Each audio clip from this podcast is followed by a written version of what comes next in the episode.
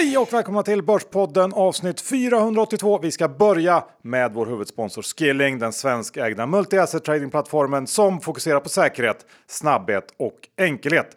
Idag John ska vi snacka lite valutahandel för det här är ju den största marknaden på hela jorden. Den är enorm FX-marknaden. Ja, det går knappt att ta in hur stor den är och då gör ju det också att det finns ett oändligt antal olika möjligheter man kan eh, trada den på. Vi har ju sett den japanska yenen till exempel har ju fallit väldigt mycket mot dollarn. Det är kring 20 procent bara i år. Ja, eh, och eh, det är väl just i sådana här perioder av väldig makrooro och eh, man vet inte riktigt hur mycket centralbankerna kommer att höja, när kommer de sluta höja och så vidare och i vilken takt de olika centralbankerna gör där. Det påverkar alla valutor väldigt mycket och skapar enorma lägen. Och sen har vi också, vad ska man säga, eh, valutamarknadens lillebror, kryptomarknaden, där det händer ännu mer. Ja, det börjar bli en jätteliten lillebror vid det här laget.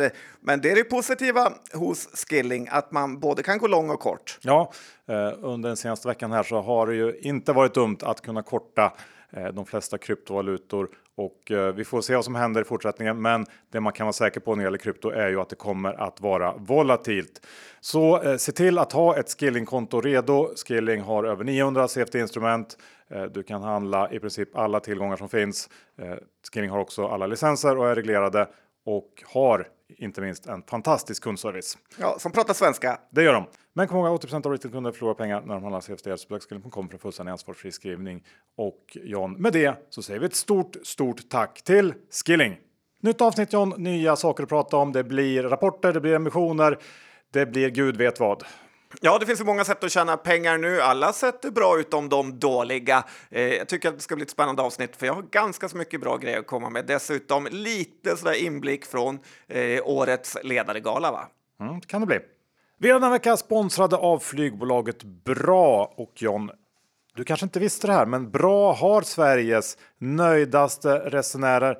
Jag tror att det skulle kunna bero på att det här är ett av världens mest punktliga flygbolag. Mm, jag tror också att det beror på att de flyger från Bromma. Det är ju så otroligt smidigt hur man kan undvika alla långa köer. Det är enkelt att ta sig till flygplatsen. Man behöver inte åka svindyr taxi utan det går till och med att åka kommunalt. Så är det. Och man brukar faktiskt säga att Bromma är Stockholms smidigaste flygplats och det vågar jag nog också skriva under på.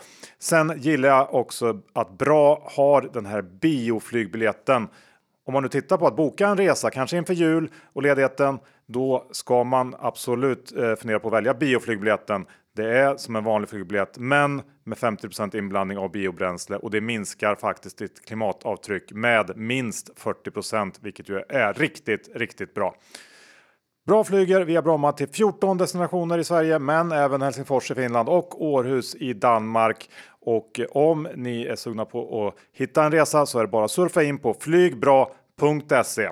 Vi säger stort tack till Bra!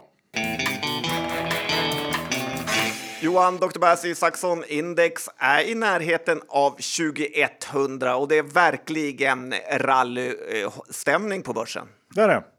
Men känns det inte lite som att det är halvtunn luft då, eller? Ja, nu börjar det bli tunn luft. Ja, men jag hade ju problem att förstå styrkan i börsen förra veckan och jag känner mig ju inte ett dugg klokare nu.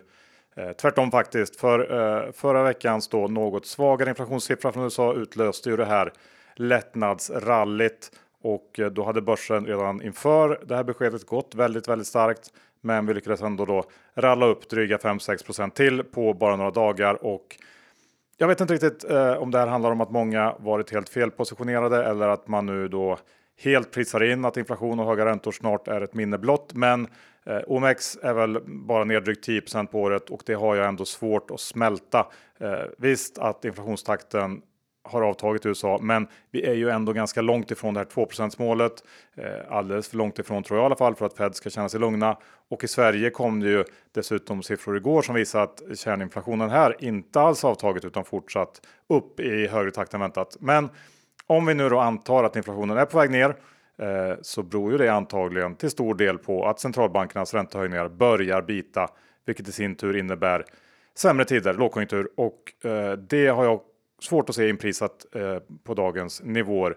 Alternativet är ju att det blir eh, en mjuka landning mot alla odds, men då finns ju ändå risken att räntorna förblir högre eh, under en längre period. Så att som ni hör så köper jag inte det här rallyt, men man har ju haft ofattbart fel om börsens riktning förr och det kan ju absolut hända igen.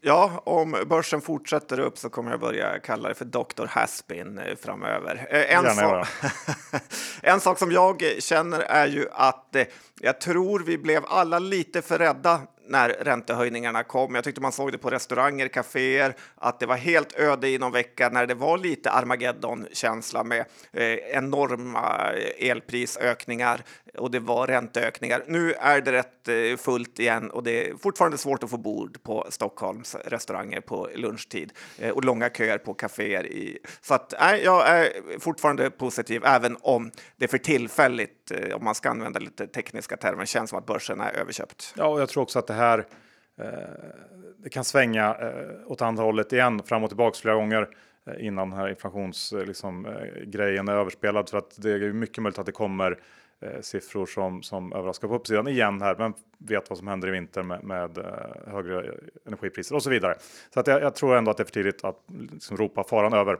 Och sen är det väl lite så här att det är så här börsen är. Det svänger upp och ner. Det är olika saker som oroar till och från och nu. Så att eh, ja, jag vet inte. Man, det är alltid så. Det är alltid något. Men i grunden så är det ändå så där att nu ligger räntorna på 4-5 procent eh, och det är ju ändå en viss skillnad mot hur det såg ut för ett år sedan. Jag tycker att det borde sätta någon typ av tak på börsen här omkring i alla fall. Men vi får se. Eh, sen har vi den här begynnande trenden med utdelningsstopp som har eh, dykt upp. Eh, tycker jag att den också kanske är lite svår att få upp med börsglädjen. Men i dagarna så har ju Dustin och Castellum valt att hålla inne med utdelningarna. Eh, signalerar väl ändå att allt inte är på toppen då, eh, får man säga. Nej, jag tycker att det här är en extremt eh, stor besvikelse att svenska börsnoterade aktiebolag återigen använder sådana här yttre omständigheter för att eh, hålla inne på utdelningen. Vi såg det ju väldigt nyligen, eh, redan under pandemin här 2020, hur nästan alla bolag höll inne med utdelningen. Och sen som du sa, Dustin och Castellum är ju de först ut eh, och meddelar nu att det inte blir någon utdelning framöver. Och jag tycker att den här typen av slaggighet från bolagen gör att den svenska börsen eh, har en lägre värdering än till exempel den amerikanska, där det finns utrymme för lite svagare perioder, men att man ändå delar ut eh, pengar då. Amerikanska bolag har ju klarat av att höja eller behålla utdelningen genom världskrig, depressioner, recessioner. Eh, det är finanskriser och svenska bolag klarar inte ens av att räntan går från 0 till 2-3 procent eller några månader av covid-oro. Jag tycker det är dåliga styrelser med dålig kapitalallokeringsförmåga och eh, ja, det är faktiskt eh, något som gör att svenska börsen förtjänar en lägre värdering. För det kan inte vartannat år vara en period där man måste hålla inne med utdelningen. Nej, men jag håller nog med här faktiskt John och lite på samma tema har vi det här med återköp. Eh, och då tänker jag kanske på de här återköpen som eh, gjorts på nu då i efterhand riktigt, riktigt dåliga nivåer i många bolag under förra året. Enea, NCC, vad har vi mer? Byggmax. Ja, precis. Eller Castellum till exempel som också gjorde stora återköp för liksom, på dubbla nivåerna mot idag. Det var inte så proffsigt Rutger. Nej, och um, jag du var inne på att det är skillnad i USA och där jobbar ju många bolag eh, mer löpande med återköp som en del av sin eh, liksom kapitalallokeringsstrategi. Jag tycker det känns som att många svensk, svenska bolag gör det lite mer eh, liksom punktinsatsartat och Eh, det i sig tror jag är fel sätt att göra återköp på. Men om man gör det så måste man ju göra det med någon typ av fingertoppskänsla och eh, det här tycker jag är ett bra lackmustest för att bedöma en styrelses kompetens och vi har många styrelser som får underkänt om man tittar på de återköp som gjordes förra året. Så att, eh, ja, kan vara någonting eh, att ha med i, i liksom scorecardet när man bedömer ett bolag. Ja, men generellt är det ganska dåliga styrelser i Sverige. Det är samma personer som eh, svänger runt lite oengagerat i väldigt många bolag. Det är dags att få in lite nytt blod. Ja. Och då menar jag inte Jonas Olavi. Uh, nej, ja, nej. Uh, sen John. Så, det är jättegammalt blod. Ja, det är det. Du, när vi ändå pratar om bolag och deras uh, beteenden. Eh, du vill kommentera en oproffsig rapport?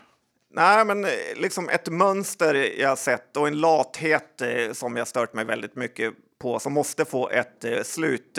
För det är så extremt oproffsigt. Jag vet inte om du har märkt det, men det är att bolagen skickar ut det här rapportdokumentet och som i väldigt många fall då heter till exempel Q3 Final att man har jobbat med den här rapporten så har den gått under lite olika arbetsnamn och sen när den eh, slutligen är klar då så döper man den till Final och eh, skickar ut. Man orkar inte ens ta bort det.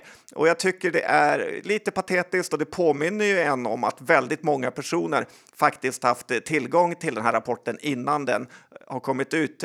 Samt att det är ju någon typ av disrespekt mot investerarna och att man dessutom visar upp det. Sluta med det här nu alla lata finanschefer eh, där ute. Jag kommer att börja hänga ut dem och eh, från och med nu Johan. Eh, det har varit lite amnesti fram till nu, men det är slut med det. Jag tycker ändå att det här inte är ett så allvarligt brott om jag ska vara Du har inte stört dig på det? Nej, jag kan inte påstå det. Du har inte ens märkt det kanske? Jo, absolut. Jag vet ju precis vad du pratar om, men det är väl skönt att veta att det här är så final. Ja, men jag vill ändå känna en mer clean, att det ska vara lite som en tavla, inte någon typ av arbetsdokument. Nej. Ja, det är man olika. Mm, men jag kommer börja hänga ut dem nu. Eh, men eh, på ett område så är vi inte olika John och det gäller ju börsens uselhet som ju är eh, ofattbar eh, nästan. Och eh, i veckan så har ju någonting vi tagit upp väldigt ofta under eh, den här poddens eh, snart tio år eh, rapporterats i DI, alltså det här med den svaga likviditeten och Dagens Industri skrev en artikel om att First North under senaste kvartalet haft den svagaste likviditeten sedan 2015. Närmare var femte aktie har i snitt över 5% skillnad mellan köp och sälj, alltså spreaden. Och samtidigt så har omsättningshastigheten på huvudlistan mer än halverats på 15 år. Och det här kommer ju inte som någon nyhet för de som handlar aktier hyfsat regelbundet. Det är någonting som sagt som vi har tagit upp frekvent de sista åren. Nasdaqs vd Fredrik Ekström hävdar i en intervju att likviditeten på börsen generellt förbättrats de sista tio åren. Men det stämmer helt enkelt inte. Sen kommer han med lite olika förslag kring hur man kan förbättra likviditeten nu då. Eh, till exempel fler likviditetsgaranter. Det kommer ju inte funka. Och det här sinnessjuka förslaget att införa fler auktionsförfaranden.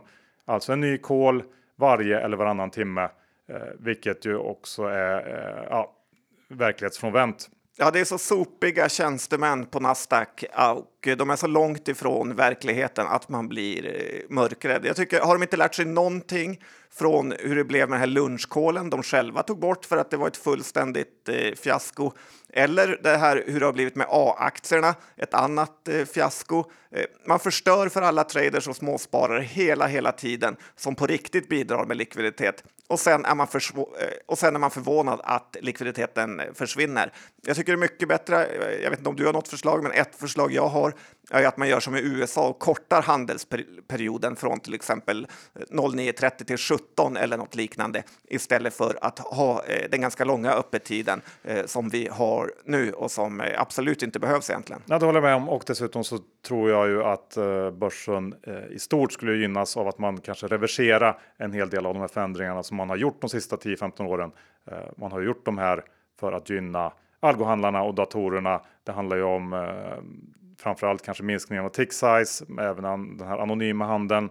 Men eh, eh framförallt tick size grejen där börsen helt felaktigt argumenterar för att det, en pytte, pytteliten tick size, liksom öresnivåer, att det är bra för likviditeten och småspararna när det egentligen bara skapar någon slags falsk bild av en orderbok eh, som inte finns där. Eh, utan eh, det här ger ju robotarna en klar och i mitt tycke orättvis fördel. Så att, eh, och det gäller inte bara på First North utan eh, även idag som man tittar på jättebolaget Nibe som rapporterar så är ju tick-sizen eh, något öre, men det kan ändå vara 30-40 öre i spread och robotarna härjar eh, däremellan. Jag tyckte det var bra att Jan Dinkel och Spiel var lite sur på Twitter om det här, men det krävs ju att nätmäklarna vågar sätta hårt eh, mot hårt faktiskt. Ja, men för att sätta punkt för den här diskussionen så är det bra att det här dyker upp på liksom stora agendan eh, i Dagens Industri och vi får hoppas att eh, det här tas vidare helt enkelt. Ja, en sak till får jag säga. Det är ju att Nasdaqs kåthet på att få in nya bolag på börsen har ju också eh, genererat det här att det inte finns något intresse för massa värdelösa bolag. Om de hade varit lite hårdare och haft lite högre krav så hade det heller inte hänt. Nej. Bra, då har vi avhandlat det. Alla besvikelser ska, här i världen. Ska vi ta någonting eh, lite roligare? Jag tänker då på förra veckans eh, Affärsvärlden tillställning Årets ledare. Ja, det var väldigt kul. Eh, fick du bra bord? Väldigt bra bord. Ja, jag fick väl eh, bordet närmast eh, scenen, vilket ändå måste väl betyda något tycker jag. Tyvärr mm. ingen riktig hotshot vid mitt bord får jag väl ändå säga. Det kändes som att jag var den kändaste personen. Vi, ja, men det var så.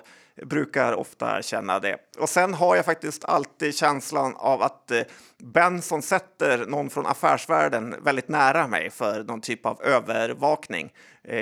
Men totalt sett en väldigt bra tillställning får man säga, så långt ifrån Avanzas wrap och lättöl man kan komma.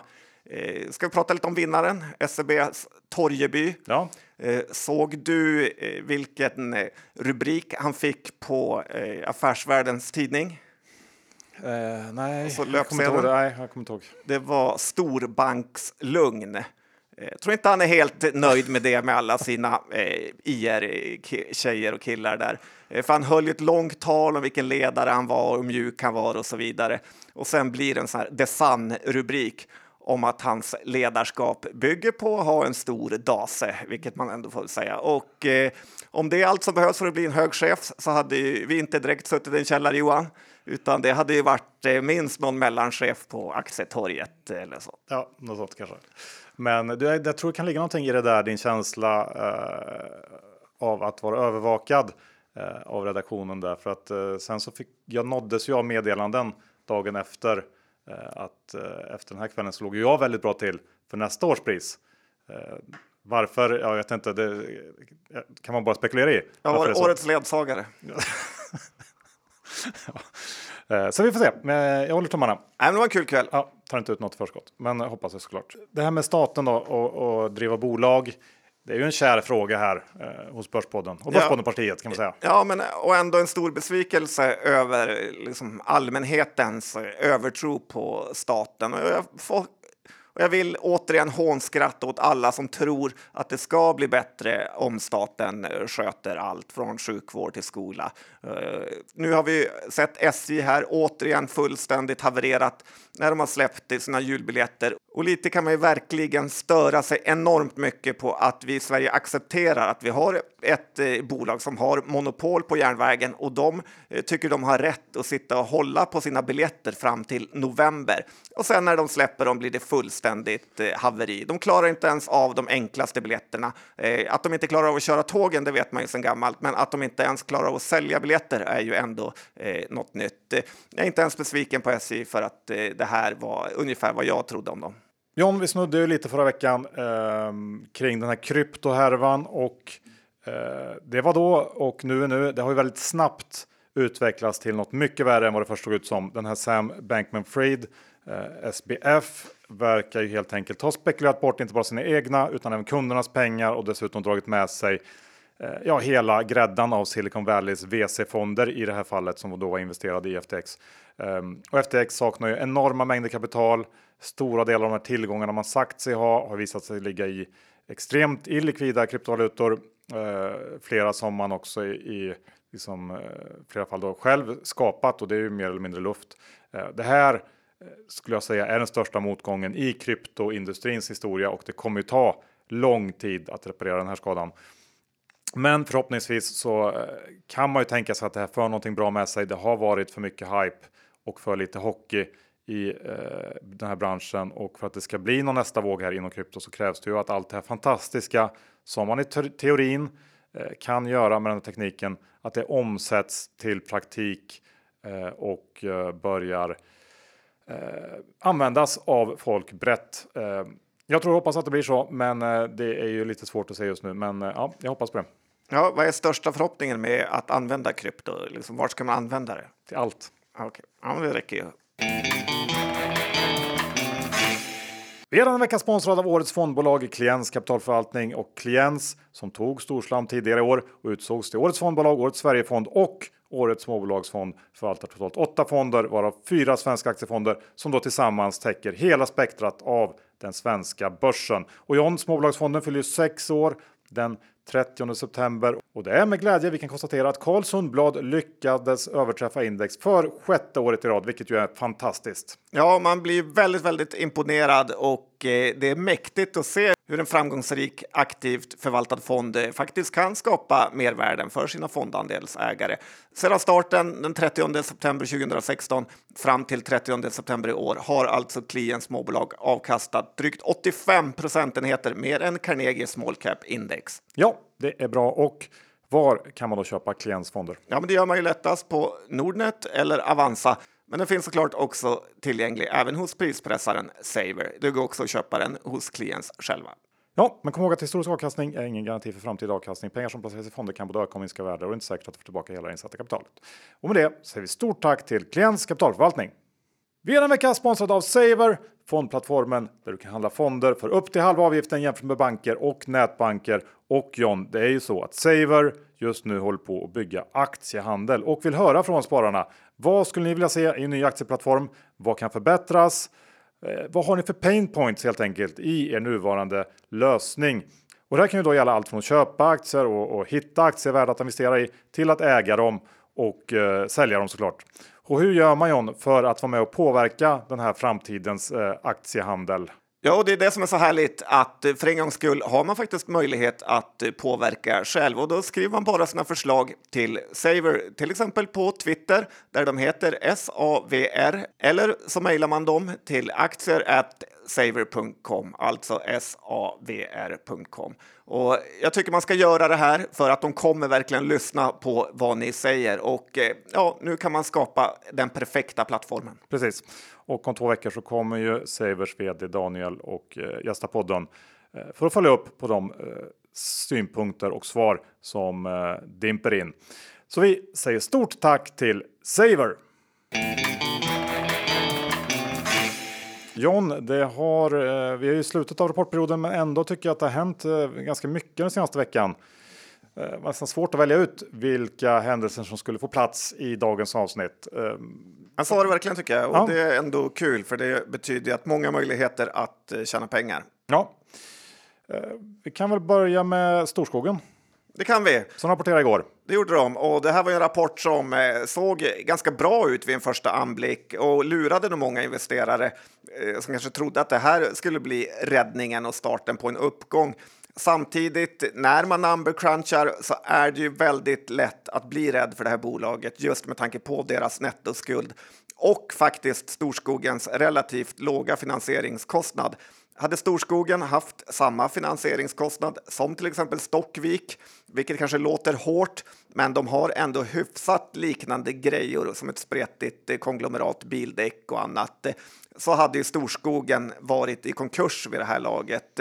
Och sen vet man ju också att börsen vädrar blod eh, för att man vill åt Kaplan. Det är som att först när han har blivit utstoppad eh, så kan man gå vidare och så hård är faktiskt börsen ibland att den eh, söker någon typ av maximum eh, smärtpunkt. Eh, så Q4 ska också vara ett generellt bra kvartal för storskogen och jag antar att det var den här marginalnedgången man såg nu i Q3 gör att man är lite rädd för vad som man ändå hoppas ska bli ett eh, jättekvartal i Q4. Så att eh, nej, de har haft en tuff eh, period. Vi såg ju också att det kom lite riktkurssänkningar eh, eh, idag. Ja, jag håller med. Skuldsättningen är det stora. Sen så kan man väl fråga sig hur den här brokiga samlingen av bolag kommer att prestera i en lågkonjunktur. Känns som att det kan bli ganska svårt att ratta alla de här väldigt olika bolagen som man äger. Ja. Ja, de behöver i alla fall förklara det på ett bra sätt så att investerarna åter får förtroendet. Och sen har ju Kaplan själv gjort det svårt för sig med sina olika optionsaffärer. Så att äh, Storskogen har mycket att jobba på. Ja, och möjligtvis att man såg någon typ av litet skifte ändå på den här rapporten för att vi har ju sett många eh, bolag i liknande situationer som har rusat liksom fantastiskt mycket på sina rapporter. Alltså hårt blankade bolag som haft problem. Eh, Bicco till exempel är ju ett sånt bolag. Sinch. Ja, eh, så att det fanns kanske en sån förväntan i, i liksom början av handeln där eh, som eh, inte då materialiserade sig. Ja, så kan det vara. Ja. Men eh, ska vi ta Bicko då när vi ändå är inne på det temat. De här, eh, det är ett sånt där bolag som haft ett brutalt blanka rally kan man säga. Eh, Bicko rapporterade förra veckan.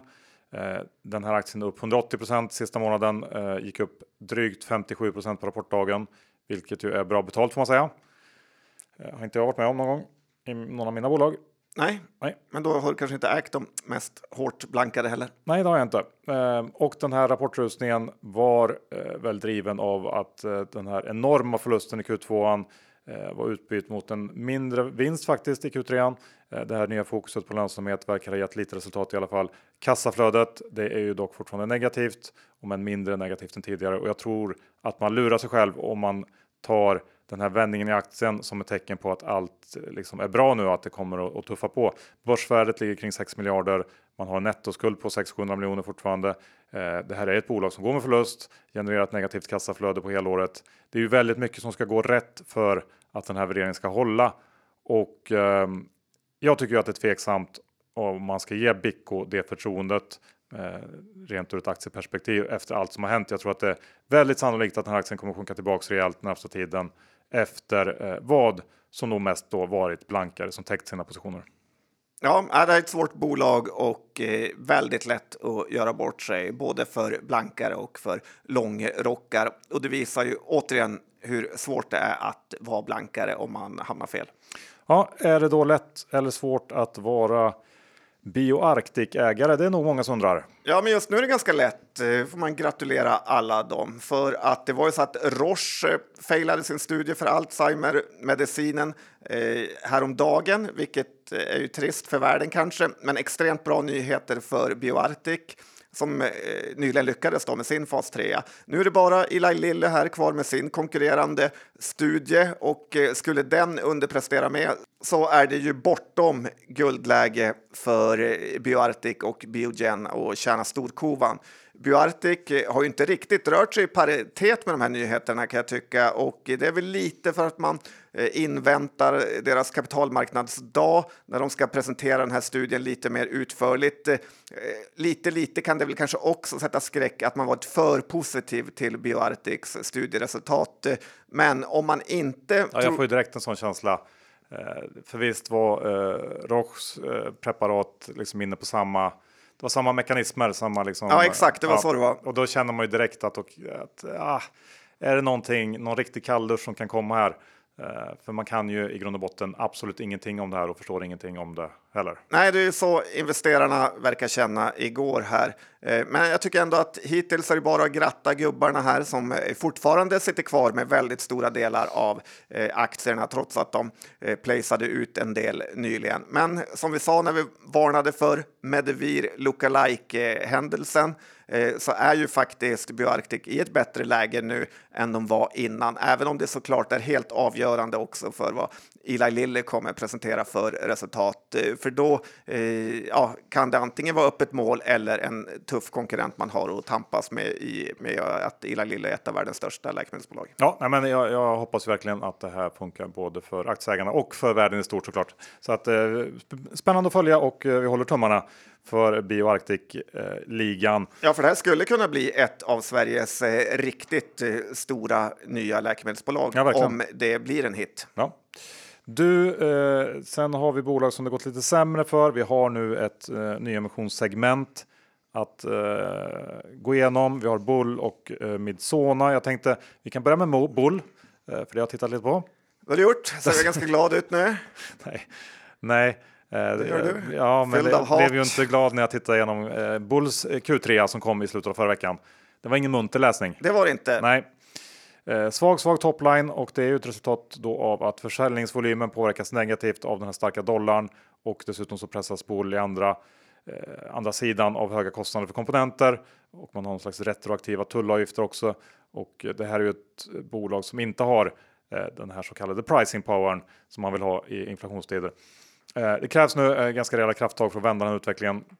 Bull genomför ju då eh, en nyemission just nu på 150 miljoner eh, kronor och det här görs som en del av satsningen på den här nya produktportföljen som man håller på att utveckla som man pratade om ett tag. Den här ska rullas ut 2024. Man kan väl gissa att perioden fram tills dess eh, inte kommer att bjuda på några liksom klang och jubelföreställningar eh, rent resultatmässigt. Aktien handlas väl kring 10 kronor någonstans. Emissionen görs på 770 Eh, är man långsiktig så kan ju det här vara ett bra läge att komma in i bull.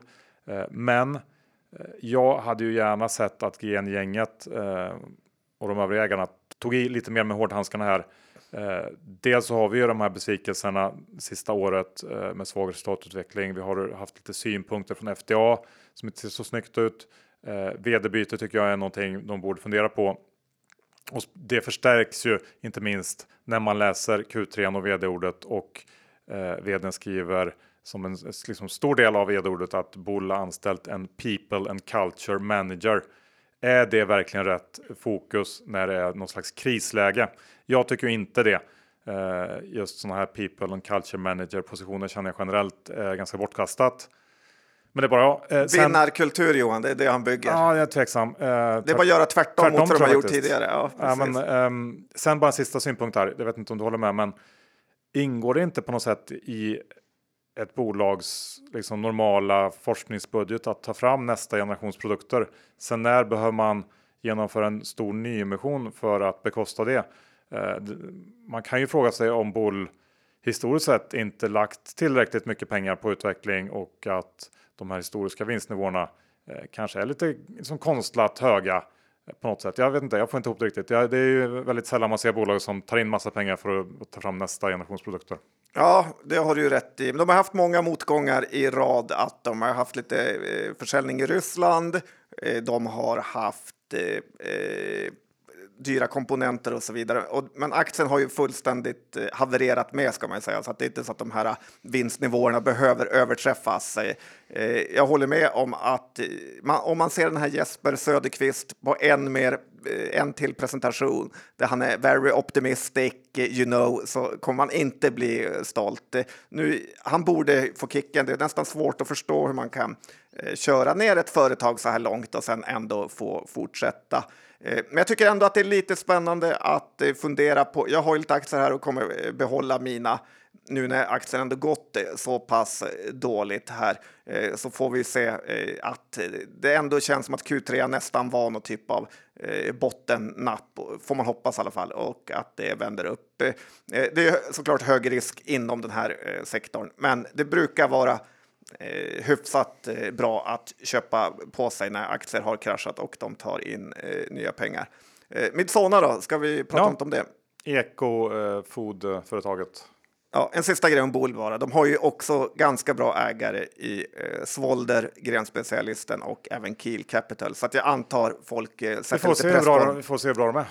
Det är väl upp till bevis nu? Ja, nu är det upp till bevis. Mm. Verkligen. Ja. Eh, men Midsona då? Det är ja. också lite kul. Vi har ju länge varit ute och sågat eh, eh, Stenasfären, såg Börsveckan, eh, tog ju också upp det sen senaste Eh, ledare där att eh, det är ju en av de sämsta sfärerna som Sverige har och det är att det nästan ska vara någon stena-rabatt. Det har ju vi tyckt länge så det är kul att fler får upp ögonen för det här. Men de har ju också enormt eh, kursnedställ här. På ett års sikt kanske aktien har tappat 80-90 procent och nu får man göra en nyemission på 8 kronor. Och så ser vi hur någon i styrelsen i nästan någon avgående medlem där i nästan någon typ av hämndaktion vräker ut aktier eh, dagligen, vilket också har pressat kursen. Så att den här nyemissionen är ju redan det som på tradingspråk kallas för broken i och med att eh, aktien handlas under vad eh, nyemissionskursen är innan ens eh, teckningsrätterna är avskilda.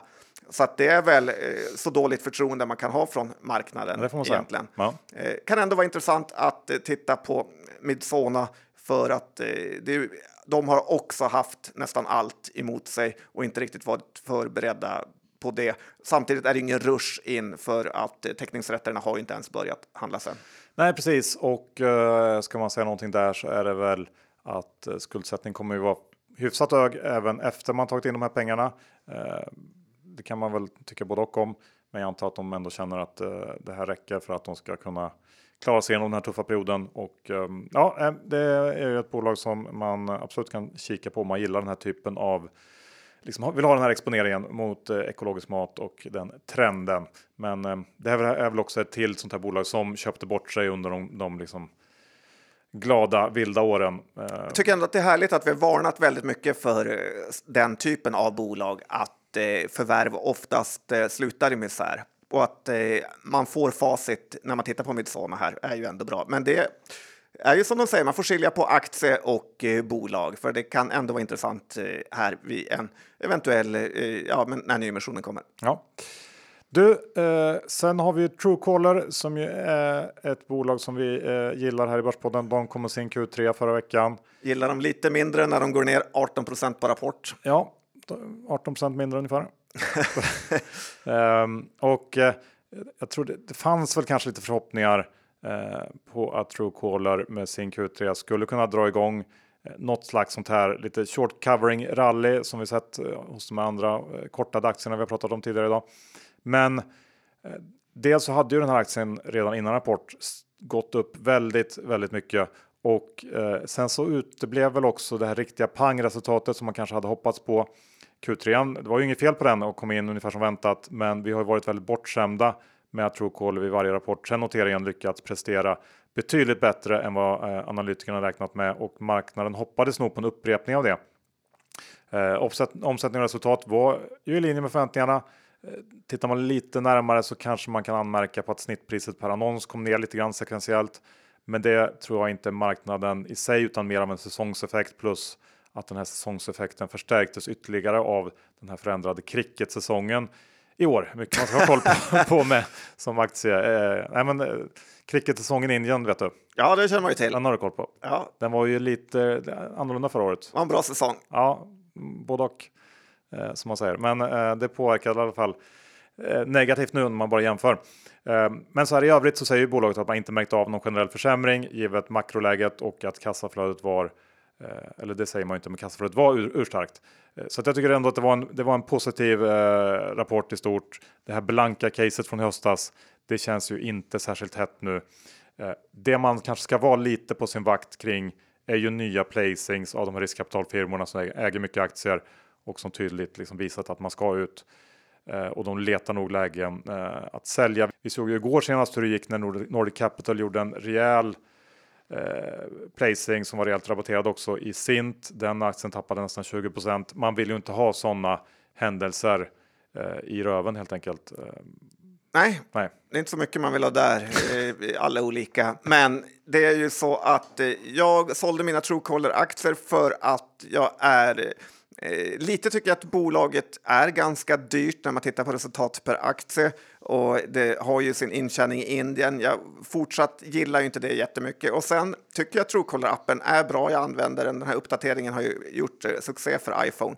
Men det är aldrig så att jag någonsin är i appen och jag vet inte riktigt hur de kan tjäna pengar på mig. Eh, så att eh, ja, det man inte förstår ska man inte heller äga. Eh, så att jag skickade iväg mina. Tyvärr borde jag eh, skicka iväg dem innan rapporten, men det är lätt att vara efterklok. Eh, och vad gäller Sint Johan, eh, så tycker jag till den här eh, placingen som eh, du nämnde här och ett rykte som har nått mig det är ju att många trodde att när mäklarna ringde runt och gjorde den här placingen så trodde man att det var Sinch som gjorde en. Att många av de här yngre mäklarna inte uttalat namnet Sint ordentligt utan att det sammanblandades med Sinch och eh, att eh, sjukheten då att Sinch efter man just köpt ut eh, Softbanks alla aktier jättebilligt, att man sen ville placea eh, samma aktier fick många att tacka nej, bara ett eh, rykte. jag tror att det, det känns men det är ju väldigt likt eh, Sinch och Sint. Ja, men det är väldigt lösa boliner. Ja, det det hela Börspodden bygger på, Johan. Nej, men det var ju också en av de här största rabatterna någonsin man har sett på en placing och man ty kan tycka att det är nästan lite konstigt att man gick vidare med det här erbjudandet, för det blev ju förnedrande för alla parter. Eh, I övrigt var det en ganska fin rapport eh, Sint kom med nyligen här och eh, det här är ju ett mycket större bolag än man tror. Ganska under uppmärksammat. Men att göra sådana mega placings gör ju en inte mer sugen med den rabatten heller. Nej, absolut inte. Kan vi gå på ett annat bolag kanske? Ja, Om, som har sådana här okrispiga ägare. Och det är ju Synsam ja. som Eh, är finns bolag... det finns en Norrlandsdel och en södra Sverige-del. Eh, men det är ett av de här bolagen som jag varnat för länge och det var en dålig rapport de kom med idag. Marginalerna går ner och Synsam är ju faktiskt oförklarligt dyrt.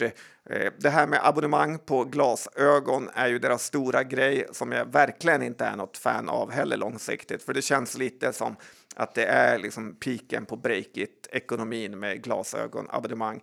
Och sen är jag också eh, väldigt kritisk eh, till de här galna butiksöppningarna som de eh, har. numera känns det som att det finns en Synsam i varje hörn. Det finns ett bröd och salt, det finns ett 7-Eleven och sen ett Synsam, kanske ett Max med. Eh, den här eh, krispig stadsbild vi har byggt upp. Ja. Eh, sen får man ju också komma ihåg att CVC fortfarande äger 60 procent av Synsam, vilket de nog inte har tänkt att göra för all framtid. Eh, och eh, det betyder ju att vi förmodligen kommer få se en eh, placing här. Det skulle ju möjligt förmodligen inte möjligtvis, men ändå liten sån här en på 20, att det kommer ett uppköp istället. För att vi har sett de här riskkapitalen är ju beredda att göra vad som helst för att täcka upp för sina härver. Det är 8 miljarder i börsvärde och ytterligare några miljarder i nettoskuld. Eh, it's a no från Börspodden här och Håkan är ingen jag ryggar. Nej. Även om Så... hockeyfrillan är borta sedan ja. länge. Där Ja, men så är det. Eh, bra. Sen har vi ju, jag tänkte ändå vi ska säga några ord om Securitas som vi ändå pratat en del om i samband med emissionen. De har kommit med hela sin Q3 nu eh, som eh, trots att vi då redan hade två månader eh, var lite starkare än väntat och den här oron kring Stanleys utveckling den oro som sänkte aktien i somras, den verkar ha varit överdriven. Tillväxten är okej, okay, marginalutvecklingen går åt rätt håll. Eh, Securitas visar också att man klarar av att parera stigande löner genom höjda priser. Det skulle ju annars kunna vara ett, ett potentiellt problem nu. Men i stort så känns den här aktien som ett bra lågriskalternativ just nu. Um, tyvärr så uppenbarar sig ju inte riktigt den här dundermöjligheten som vi hoppades på i samband med emissionen. Även om det blev en helt okej affär att köpa aktien under den här perioden. Men fortsatt... Då var ju börsen väldigt lågt värderad. Ja, precis. Så det är liksom svårt att säga. Eh, det var inte jättebra i alla fall. Eh, men fortsätter Securitas att leverera stabila rapporter så finns det, tror jag, en helt okej uppsida i den här aktien. Eh, det man skulle kunna ha lite synpunkter på är ju skuldsättningen som blev lite väl hög efter Stanley-förvärvet, även då justerat för emissionen som man precis avslutat. Eh, sen är det här ett bolag som borde kunna klara av skuldbördan, men ändå lite dålig timing att gera upp sig så enormt mycket just nu. Ja, också det här att Securitas i våras eh, dela ut pengar trots att man gjorde nyemission är ju också ett sånt här sätt som man undrar om ledningen är, har lite hål i huvudet.